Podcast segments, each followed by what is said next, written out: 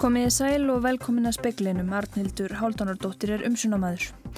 Neiðar ástandi var líst yfir á Keflavíkur flugvelli þegar farþegar þóta Æslandi er lendi þar á fjórðatímanum í dag. Hjólabúnaður virðist hafa brotnað í lendingu. Flugvélinn liggur nú út á annan vangin á flugbrutinni. Hænasti skip samherja í Namibíu var kyrsetta nýju af namibískum yfirvöldum í morgun. Flokkrásfundur vinstrirhefingarnar græns frambós var settur síðtegis. Kínvesk kona sem var flutt á sjúkrás í Danmörku í morgun vegna grunn sem að hún væri smituð af koronaveiru reyndist ekki vera með hana. Og fiskvinnslu fyrirtækið Ísfiskur HF hefur óskað eftir því að vera tekið til gældfrótaskipta. Farþegar þóttu Æslandir legtist á í lendingu á Keflavíkur flugvelli síðdegis, hjólabúnaður brotnaði og flugvelin stöðvaðist úti á miðri flugbrutt. Neiðar ástandi var líst yfir á Keflavíkur flugvelli á fjórða tímanum í dag. Flugvél Æslandir með 166 farþegum borð lendi í vandræðum þegar hjólabúnaður brotnaði. Farþegi sem fréttast og var rætti við sagði að hægri hlið flugvélarinnar hefði livs frá jörði í lendingu og síðan skollið aftur niður. Eldneistar hafi sérst frá hreflinum. Flugvélinn stöðvaði síðan út á miðri flugbröð. Þá kvildi annar vangur hennar á hrefli. Sáfarði sagði ekki að það fundist mjög mikið fyrir þessu og taldi að fólk hefði verið mjög rólegt um borð. Annar farði sem fréttast og var rætti við, satt við vangin og horða á atviki út um klukkan. Hann sagðist hafa síð gríðarlegt neistaflug og óttast að það kynna að kvikna í út frá því. Í flugvélinu voru eins og fyrir sér 166 farþegar. Fljótlega eftir lendingu var fara að koma stigabílum að flugvélinu til að hleypa farþegum frá borði og tók það nokkur tíma. Viðbrags og áfallateimi voru virkjuð og hafa þau verið farþegum innan handar. Flugvélin er enn á flugbröðinni þar sem hún stöðvaðist og býður þess að rannsóknarnem samgönguslýsa ljúki aðtöðunsinni. Fyrir verður ekki hægt að fjarlægjana. Hinn flugbröðin er þó opinn og því hefur atvikið ekki orðið til þess að trubla flug flugum völlin, segir Guðjón Helgason upplýsingafull trúi Ísafja. Hvassviðri hefur verið á Keflavíkur flugvelli og í nákrenn í dag. Landgangar flugstöðvarinnar voru teknir úr nokkun upp úr klukkan þrjú vegna vins. Þurfti þá að koma fólki til og frá borði með stegabílum. Þeir sem býði lengst í flugvél af þeim sögum þurfti að býði hartnar klukkustund samkvæmt upplýsingum fréttastofu. Landgangarnir voru teknir í gagni aftur á sjötta tímanum. Brynjálfur Þór Guðmundsson saði frá og Þórildur Þorkjálsdóttir fréttamaður er á svæðinu. Þórildur getur líst aðstæðum? Já, aðstæður eru þannig að það er talsverður viðbúnaður við vélina. Við fjölmjöla fólk reyndar komast ekki mjög nálagt þannig við horfum á þetta hérna á nokkuru fjarlægð. Uh, Rannsóknarnamn samgönguslýsa eins og kemur fram í fréttinni er að skoða vettvang og lögreglan líka þannig að þetta er svona talsverður viðbúnaður en En sem betur þegar er, eru allir ómeittir og fólk er komið úr vélinni og, og, og uh, áfalla, er að fá áfalla hjálp frá, frá Rauðakrossinum og, og björgunarsveitamenn eru líka hérna staðnum þannig að það er svona talsur viðbúnaður. Við heyrum betur af þessu í sjöfröttum á eftir. Takk fyrir þetta Þórildur. Takk. Namibísk yfirvöld kyrsettu hænasti skip samherja í Namibíu að nýju í morgun. Þetta staðfestir Sebastian Ndeitunga yfirmaður hjá namibísku lauruglunni í samtali við fréttastofu. Ndeitunga vildi ekki upplýsa hvers vegna skipið var kyrsett. Kjarnin sem greindi fyrst frá málunu segir að það hefði verið gert á grundvelli laga um skipulaða glæpastarsemi. Hænasti var fyrst kyrsett í november eftir að skipið var tekið við ólöglegar veiðar. Kyrsetningunni var aflétt eftir að Artgrímur Brynjólfsson, skipstjóri hænasti, var dæmdur til að greiða segt að jafnverði 8 miljóna króna. Kyrsetningin í morgun tengist upplýsingum sem spillingardeild namibísku lauruglunar ACC létt lauruglu yfirvöldum í tíu. Pálus Nóa, framkvæmdastjóri ACC, vildi ekki upplýsa fréttastofu hvers eðlis þær upplýsingar væru. Ekki hefur náðust í Björgólf Jóhansson starfandi forstjóra samherja vegna málsins. Flokkrafsfundur vinstri hreyfingarinnar græns frambóðs var settur klukkan 5 síðdeis í félagsheimili Seltjarnanes um 100 manns sækja fundin. Guðmundur Ingi Guðbrandsson var að formaði flokksins og umhverfisraður að setti þingið og flutti ræðu. Ræða Katrínar Jakobsdóttur, fórsættisraðura, tók svo við. Magnús Geir Eyjólfsson, fréttamaður, er á fundinum. Magnús, hvað bar hæst í ræðum þeirra Guðmundar og, og Katrínar? Eh, ræðu Katrínar er reyndar ólokið. Um, hún er búin að taka aðeins lengri tíma en Daskar saði til um en Guðmundur Ingi, hann lagði áherslu á umhverfismál og málefni með hálendis þjóðgars. Katrín fór svona yfir víðari völl um, og talaði mikið um það að mörga þeim framfæri málum sem hafa verið afgriðt úr ríkistofn hafi ekki horfið til nema fyrir tilstilli vinstu græna og talaði mikið um félagslegt réttlæti og nefndi það lengingu fæðingarlós, þrepaskipt skattkerfi og heilbreyðismál. Um, hún talaði einnig um áskorunir í efnagsmálum og uh, uppbyggingu innviða og kom í því samingi inn á sölu Íslandsbanka og sagði að salan á Íslandsbanka sem mun verða umdelt mál inn á AFG sé nöðsileg til að ráðast í innviða uppbyggingu. Emmitt það. Var mikill samljómur í, í ræðunum? Það var ekki annan að heyra. Það var, allavega að gerður góður rómur að ræðum Guðmundar og Katrinar sem var að ljúka. Já, henni var að ljúka. Takk fyrir þetta, Magnús Ger Ejjólfsson. Fiskvinnslufyrirtækið Ísfiskur HF hefur óskað eftir því að vera tekið til gæltrótaskipta fjórum mánuðum eftir að hafa sagt öllu starfsfólki upp. Ísfiskur sagði hátt í 60 manns upp störfum í lók september á síðasta ári með fyrirvara um að fyrirtækinu tækist að endur fjármagna sig. Ísfiskur leitaði þá til byggðastofnunar um að fá lán til þess. Stofnuninn samþykti að veita lán með skilirðum sem Ísfiskur reyndi að uppfylla undanfarna mánuði. Samkvæmt frétt á vefskessu Horts voru nær öll skilirðin uppfyllt en lánveitingin fjallað endinga á því að ekki tókst að útvega fjö fyrir bygginguna sem fyrirtæki starfaði í á Akranesi. Vilhjálmur Byrkisson formaður verkaleysfélags Akranes segir að enn sé verið að taka saman nákvæmlega hversu mikið fyrirtækið skuldar fyrir um starfsfólki, meðal annars í laun og orlofsgreðslur. Það séu þó hátt í 40 miljónir. Hann segir þá að verkalýsfélagið ætla að lána félagsmönnum sem störfuðu hjá Ísfiski 250.000 krónur með kröfu í ábyrðasjóð launa. Það hefur ekki verið hægt hinga til þótt rúmir fjórir mánuðir séu frá uppsögnum þar sem Ísfiskur varða óska eftir geltrótaskiptum svo hægt var að gera kröfu í ábyrðasjóðin. Nú sér því fyrir endan á 39 ára starfsemi Ísfisks, fyrst í Kópavogi og svo á Akranesi frá 2018. Albert Svavarsson, framkvæmdastjóri Ísfisks, vildi ekki veita viðtal. Elsa Maria Guðlús Strífudóttir saði frá. Kínverskona sem var flutt á sjúkrahús á Kaupanahafnarsvæðinu í morgun vegna grunnsum hún væri smitu af koronaveiru reyndist ekki vera með hana. Síni úr öðrum sjúklingi hafi verið sendið rannsóknar. Hann er nýkominn frá Kína. Kínvarska konan kom með flugi til Kastrup flugvallar löst fyrir klukkan 8 í morgun.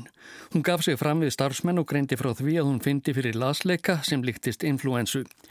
Konan var umsvifa löst flutta á sjúkrahúsið í Víðofri og sett þar í einangrunn. Hluta einnar flugstöðarbyggingarvallarins var lokað í öryggiskinni og hann sótt hreinsaður. Síðdeis greindi danska heilbriðistofnuninn frá því að síni úr konunni hefði verið neikvæð og hún því útskrifuð. Þar af leiðandi þyrtu aðrir sem voru í flugstöðinu um leið og konan ekkert að óttast. Enda smitaðist koronaveiran einungis við beina snertingu.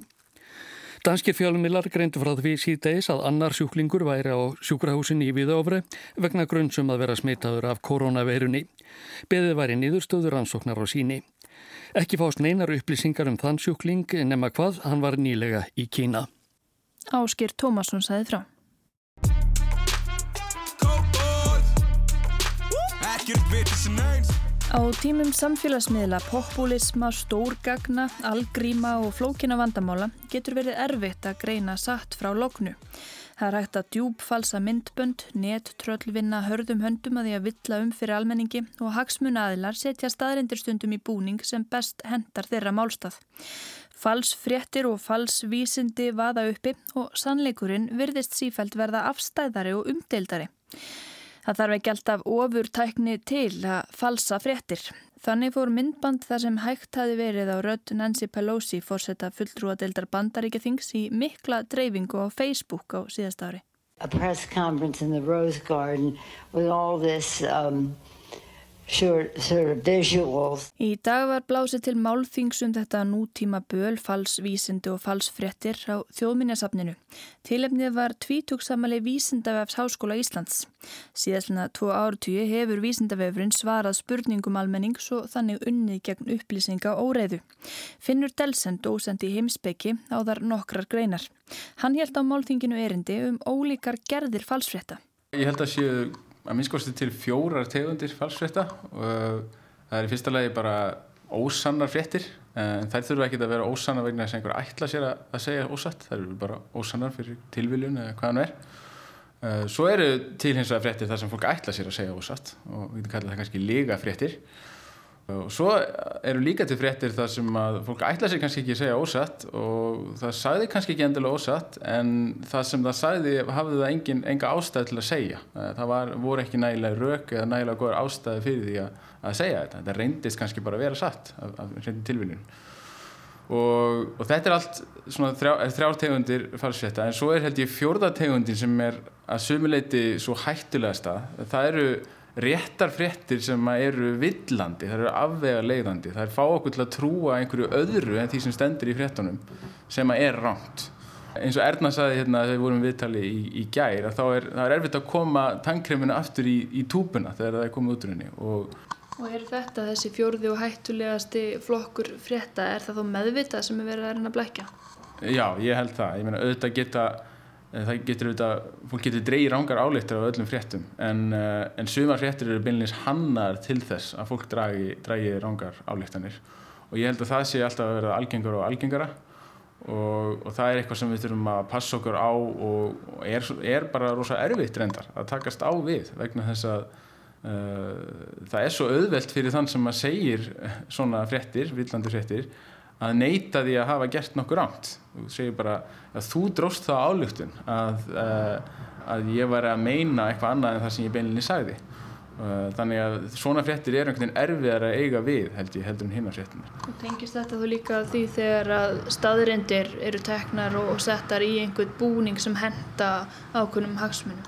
Já, þetta er mjög oft gert með tölfræði og það er náttúrulega hérna, fræg orð uh, að það er til lígi og svo helvítis lígi og tölfræði. Uh, ég veit ekki hvað sem ég segja þetta í útverfinu en sem sagt uh, tölfræðin er það er hægt að nota hana á svo margan hátt til þess að blekja fólk um, án þess að segja neitt sem er byllinis ránt og þannig að tölfræði er oft ymmit notuð í, í svona villandi fréttum sem sagt villandi tölfræði og hundaflautur einhvers konar. Erna Magnúsdóttir, samindalífræðingur við Læknadeild Háskóla Íslands, hefur líka svarað spurningum á vísindavefnum, til dæmis um stopnfrömmur. Hún helt erindi um falsvísindi. Það eru raun og veru svona ákveðin, kannski tegund af upplýsingum, meðferð, hegðun, trú sem Eh, er sett í vísindilega búning og sögð byggja vísindum en er fylgja ekki vísindilega aðferð þannig að það er ekki búið að sannreina það sem settir vísindilega fram í raun og veru með vísindilegum aðferð. Þetta er kannski hug, lofslagsvísindin og eins bara heilbriðisvísindi, eru, eru fleiri svið það sem er, eru ábyrrandi svona falsvísindi? Já, ég er svona mest hort sjálf á heilbriðisvísindi þar sem ég er hérna, lífræðingur en, og lofslagsvísindin jú vissulega. Eh, það eru bara allstar það sem hægt er að selja mann eitthvað þar vill það eh, brenna við að það sem verið að reyna að gapa fólk til að uh, kaupa vöru sem að er ekki byggð á tröstum grunni og hún er uh, sögð vera. Erna nefnir dæmi um stoppfrumi fyrirtæki í bandaríkunum sem segist geta læknað slítgikt með því að spröyta stoppfrumum í liði fólks.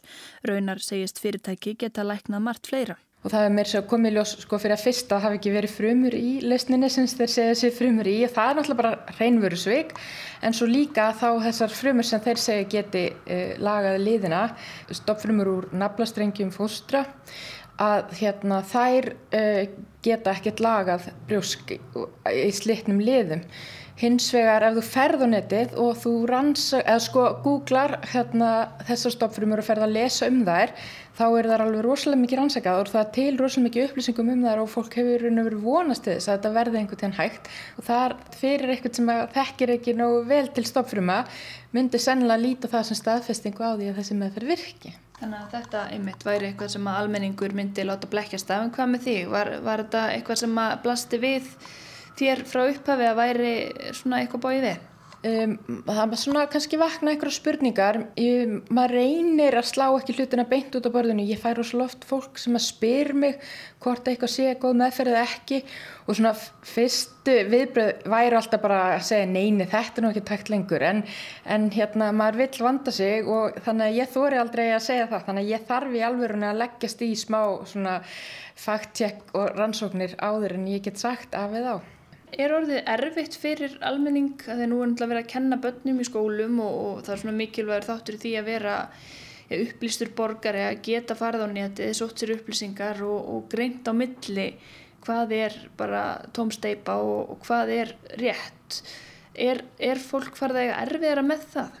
Ég veit raun og ekki alveg hversu mikið erfiðar en ég held að það gæti verið að því að hérna, það er svo mikið upplýsingum og við áttum okkur kannski ekki alltaf á því hvenar við getum, erum fær til að tólka þessar upplýsingar og hvenar ekki og það er svona ákveðin tegunda falsvísindum sem að byggja nefnilega hluta til áraunveruleikanum en gefa svo heilmikið skinn og eru á svona einhverju grái svæði og það er hægt að vilja rosalega um fyrir fólki að því þá ferða að sækja sér uh, upplýsingar á netinu og uh, kannski mistúlkar þær og álítur að ákveðnar upplýsingar staðfesti uh, það sem er verið að kynna fyrir þeim.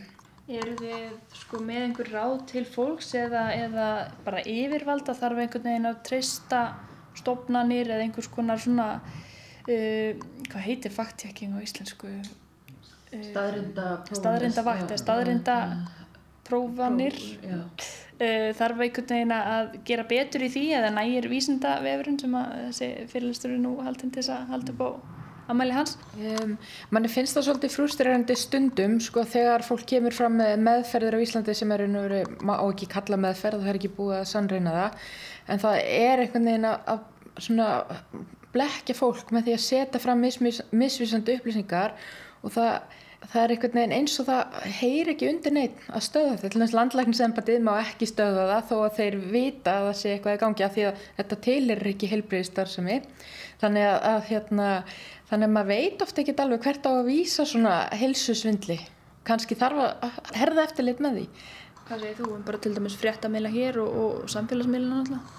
Já, varandi svona staðrenda prófanir þá er það þetta, það held ég hefði reynst alveg ágætlega allir með þessi bandaríkjónum og ég veit að þetta er líka til í Noregi til dæmis og, og fleiri stöðum. Um, en auðvitað er það aftur þetta vandamála þegar það er búið að segja eitthvað ósatt þá er svolítið erfitt að, að taka tilbaka og, og staðrendaprófanina gangi út á að benda á uh, þegar eitthvað er ósatt og það getur verið mjög hjálplið þegar það er beinleins verið að segja eitthvað sem er einmitt alveg klárlega ósatt og það er að finna uh, staðrendinar en svo er þetta aftur með þessi villandi fréttir að, að það er erfitt að segja til um hvenar fréttir önverulega er villandi og hvenar ekki. Og þannig að það er erfitt að vera með einhver, eitthvað hlutlagt mat á því uh, sérstaklega af einhverjum þriðja aðila hvort eitthvað séu villandi fréttir eða ekki.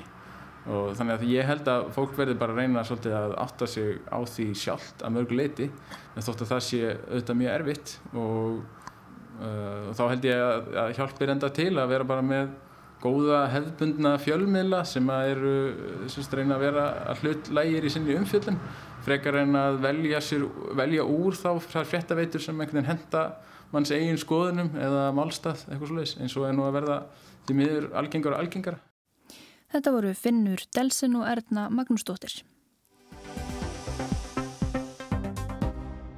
Pete Buttigieg er nokkuð óvænt komin í hóp helstu keppenda í forvali demokrata fyrir forsettakostningarnar í bandaríkjónum í haust. Hann virðist hafa orðið hlutskarpastur í klúðurslegu forvali í Iowa og stendur vel að víi fyrir forvalið í New Hampshire á þriðudaginn. Hann yrði yngsti forseti sögunar og svo fyrsti sem er opimberlega samkynneigður. Pete Buttigieg er enga barn foreldra sinna, fættur 1982 og alin upp í South Bend í Indiana. Fadir hans er frá Möldu og þaðan kemur þetta sérkennilega nafn sem þýðir í raun hænsna bondi eða hænsna pappi.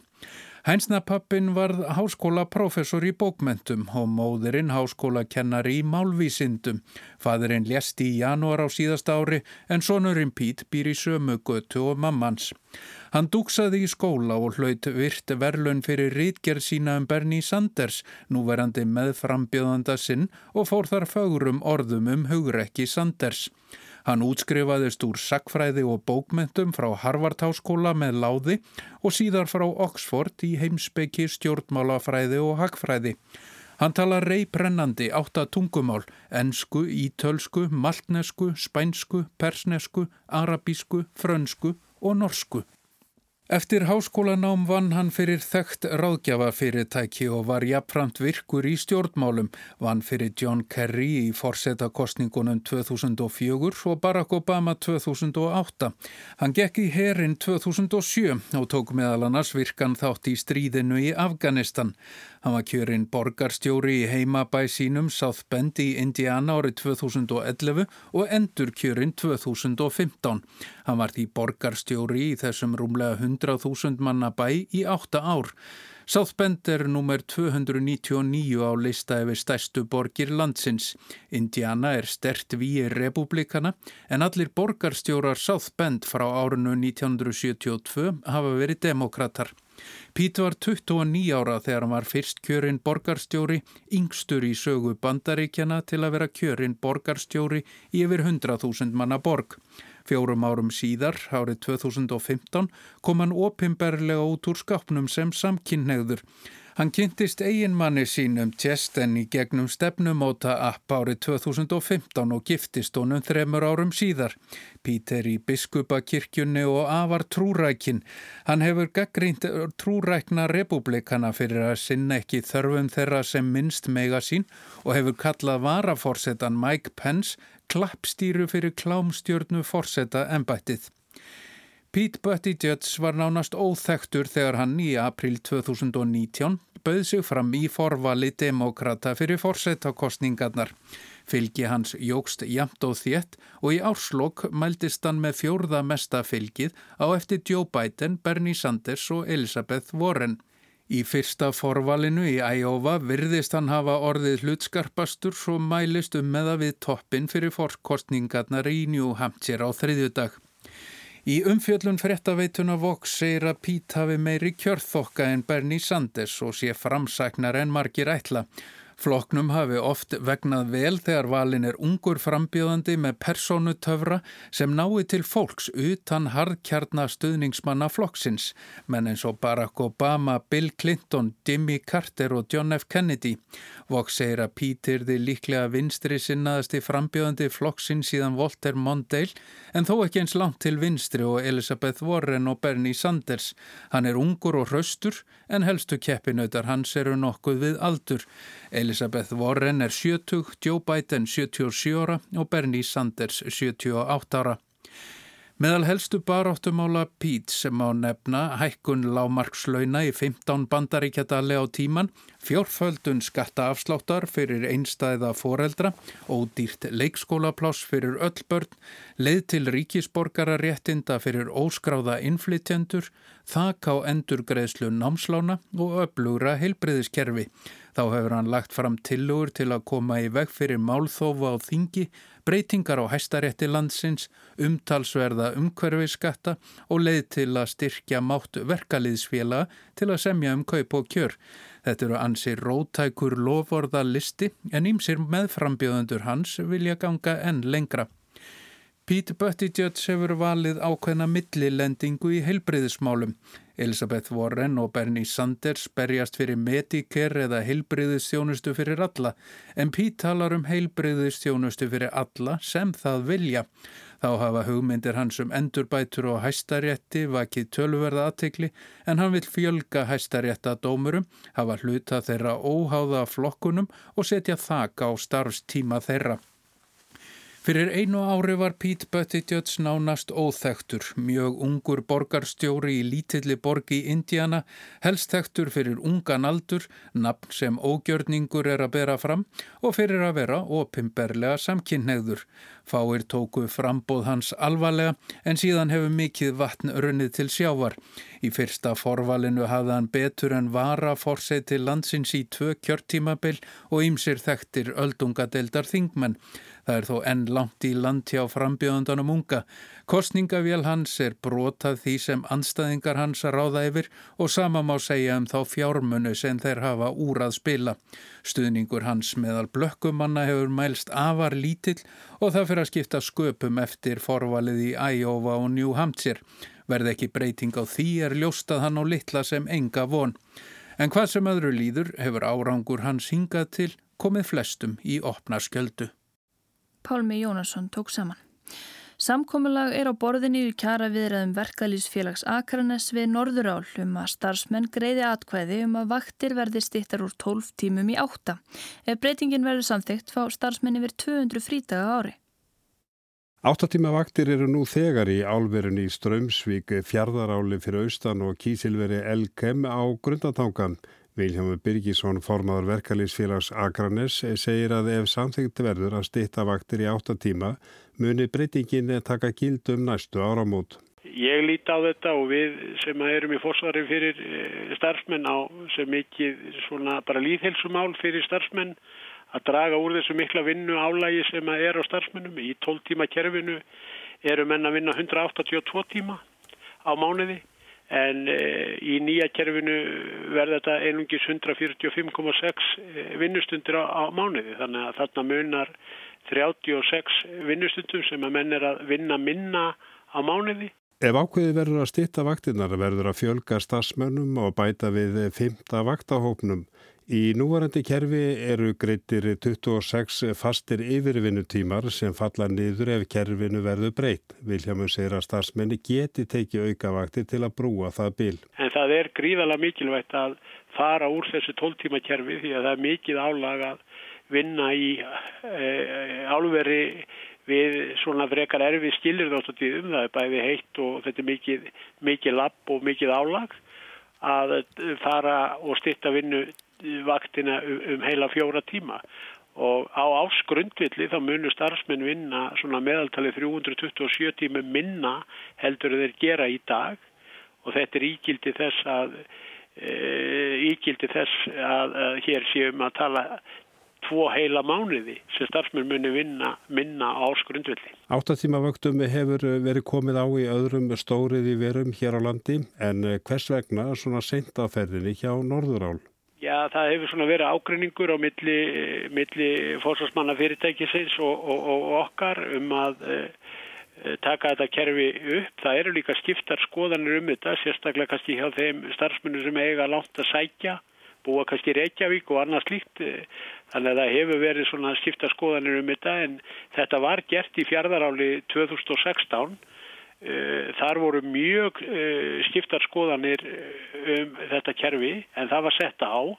Og núna er bara niðurstaða svo að nánast hverjum einasti starfsmæður er gríðalega ánaður með þessa breytingu eftir að það farið yfir í áttatímakerfið og hörðustu anstæðingar áttatímakerfið 2016 hafa með þess að gengi svo langt að að nánast að byggja aðaltrúnamann afsökunar á að hafa haft uh, rátt við.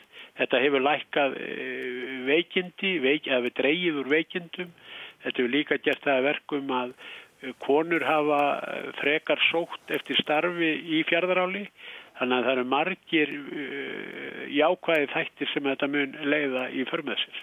Getur á fyrir að unnar verði sex vaktir á fimm dögum og þá tæki við fimm daga frí þú mynd vinna 163 daga á ári í þessa nýja, nýja kerfi og eiga 202 daga í frí.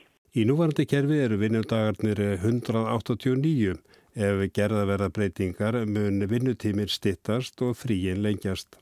Og þetta er líðhelsumál, það er ákall í samfélaginu um að gera eh, vinnuna meira fjölskyldu vætni og ég tel það ekki eh, svona gott eh, bæði fyrir, fyrir fjölskyldu lífið og jafnvel bara andlega og líkamlega heilsu að vera að starfa 12 tíma, ég vera með 12 tíma vaktakerfi og vinna þannig allt árið umkring. Þetta var Viljálmur Birgisson, Arnar Páll Haugsson talaði við hann og þá meðal efnis í speklinum að neyðar ástandi var líst yfir á Keflavíkur flugvelli þegar farþegar þótt að Æslandi er lendið þar á fjórðatímanum í dag. Hjólabúnaður virðist hafa brotnaði lendingu og hænasti skip samherja í Namibíu var kyrsett að nýju af namibískum yfirvöldum í morgun. Veðurhorfur á landinu til miðnættis annað kvöld, söðaustan 15 til 23 og ryggning sunnan og vestalands en hægari þar í kvöld og skúrir. Dáli til snjókoma með köplum norðalands í nótt, sunnan 5 til 10 á morgun en 10 til 15 vestast á landinu. Jél eða slittu jél og hiti 0 til 4 stygg en úrkomu líti norðan til á landinu og víða vægt frost. Samfeldari slitta eða snjókoma um tíma vestalands síðdegis og morgun. Og það er ekki fleira í spekli kvöldsins. Magnús Þorstedt Magnússon send út í kvöld. Verið sæl. Sæl og góða helgi.